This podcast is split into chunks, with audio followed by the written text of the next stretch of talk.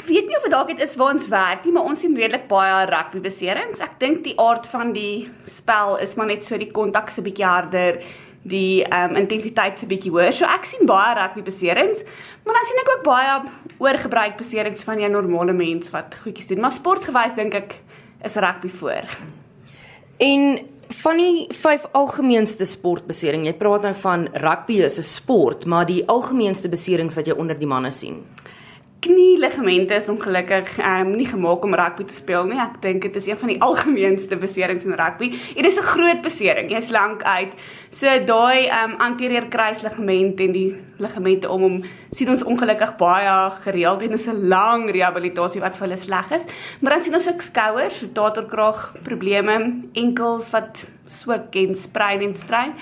Um liesbeserings, hamstring beserings en ehm um, shin splints en sulke kroniese goedjies is ook nogals iets wat gebeur met die kontak in die hart en eintlik met enige sport, nie net met rugby nie. As jy nou gepraat het van die knie, hulle noem dit die ACL besering. Dis nogals 'n algemene besering wat mens gereeld sien. Hoekom is dit?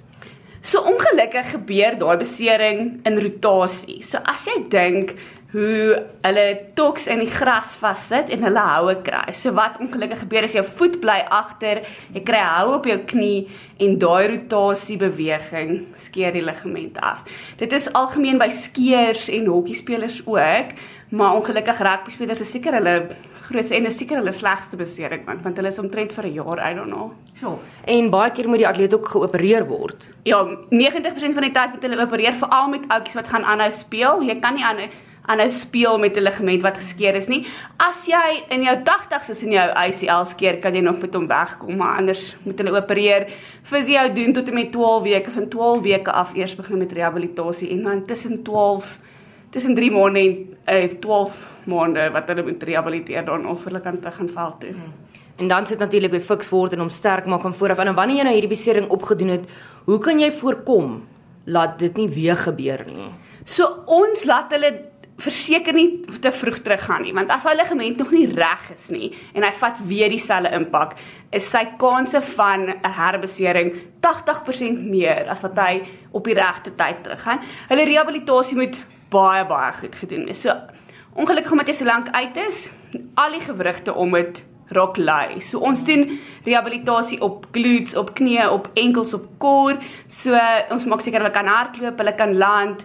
Ehm um, maak seker daar's nie verskille tussen die kant wat seer was en die kant wat reg is nie. So as al daai goedjies reg is, die ligament is regtig weer goed aangesit. Dis 'n baie suksesvolle operasie. Dis net 'n baie lang rehabilitasie tydperk.